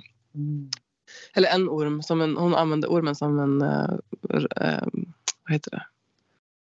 Rem. Äh, vad heter det? du som kan hästar. Tygel! Tygel, ja. Mm. Snör. Nej, men, eh, hon är ju... Jag vet inte om hon försvarar gränser. Men hon är väldigt stark i alla fall. Och eh, är ju liksom eh, the old hag, eller vad man ska säga. Som Mm. eh, rollkonan. Eh, hon, eh, hon kanske heter Hyndla också. Det kanske är samma gestalt eller en besläktad gestalt. Mm. Hon rider på vargar. Hon är väl också impassable på ett sätt. Verkligen. Alltså, Mm. de Hiroki skulle jag säga. Eh, och ehm, ja, men det finns ju liksom... Eh, alltså vissa, vissa forskare säger att, att eh, de medeltida liksom, manliga författarna beskrev, dem, beskrev henne som att hon satt på en varg för att liksom, göra henne mer så här, eh, hon hör till vargarna, hon är utanför. Så, här, eh, eh, och burk, Liksom. Men det finns faktiskt eh, in, från andra håll också, från keltisk tradition. Det finns ju Kaliach som också beskrivs som att hon rider på en varg. Så jag tror att det här är en äldre faktisk alltså myt, så att det har funnits en som har ridit på vargar. Och det, är, det är en trollkvinna, en, en, en häxa liksom, som eh, och att vargen symboliserar att hon är den enda liksom, som kan ja, men, rida på en varg. Hur fett är inte det? Liksom? Mhm, mm. Och samma sak, rida på en tiger. Alltså, så här, det är ju så mäktigt att kunna göra det. Ja. Eh, Så jag känner den ur den, det är någon form av så här, den ultimata liksom, trollkraften och kraft. Ja. Ehm, jag drog Men en ruta också Ja. inför det här avsnittet. Alltså Ah. inför inspelningen. Är det Ja, sant? precis, innan, precis innan vi eh, ringde upp liksom, så men jag måste dra en runa och fråga efter så här, vad, vad, ska vi, vad behöver vi lyssna efter i samtalet? Eh, vad är det som behöver komma fram? Åh gud vad spännande. Och sen så, det roliga var, sen glömde jag bort den under hela samtalet. Men jag kom på den nu på slutet. Eh, och jag drog runan Naudir. Som ju, alltså Naud kallas den också. Som också är liksom ja, men nödens, nödens runa och nödvändighet. Och för mig är nödvändighet är liksom det som vänder nöden. Alltså det som man måste göra nu Mm. för att ta sig ur en nödsituation. Mm. Och det är ju också någon slags durga-kraft. Verkligen. Att så här, ja. Men jag tänker att det känns som att vi har... Alltså jag tänker att vi har haft den kraften lite grann i det här samtalet av Naudir. För att liksom, vi har pratat om ganska många så här allvarliga och tunga saker. Alltså så här, Mm. typ vad, liksom, hur får man förhålla sig till runor? Alltså allt det som är problematiskt kring runor. Alltså det, Mm. eh, ja. Verkligen. Ja, och liksom Anna, om det här på något sätt kommer till dig och kan hjälpa dig på, på, no, på något sätt i det, whatever you're, you're doing right now, så, liksom, så har du verkligen vårt trippla stöd här på att ta sig an den här durga-kraften för att, så, vad du än behöver göra, sätta gränser eller ändra någonting eller skydda någon eller något. Liksom. It is, eh, it is eh, nödvändigt. Mm. Wow, alltså då, jag, jag känner nu, vet du vad jag känner nu Emilia och Eldin eh, i EE? Att det är dags att med den här runan, alltså jag, nu, nu går jag in i det nya året. Mm. Jag går Mm. rakt in och säger nöd, inte nödens år, men jag säger det här är fan mig 2023. Gör det som är nödvändigt, att använda kraften för att vi behöver göra de här förändringarna. Vi kommer aldrig kunna kliva av ett patriarkalt narrativ om vi inte gör det som är nödvändigt. Mm. Det säger jag med ett eh, skål. Ta mig fan. Skål! Skål, gott ditt år!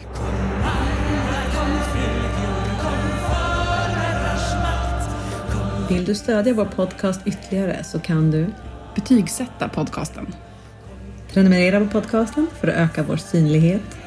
Bli medlem på Patreon så får du dessutom en massa häxiga benefits. Gå in på patreon.com formodrarsmakt. Och vill du ta del av ytterligare samtal med likasinnande, bli medlem i Facebookgruppen Förmödrars makt eftersnack.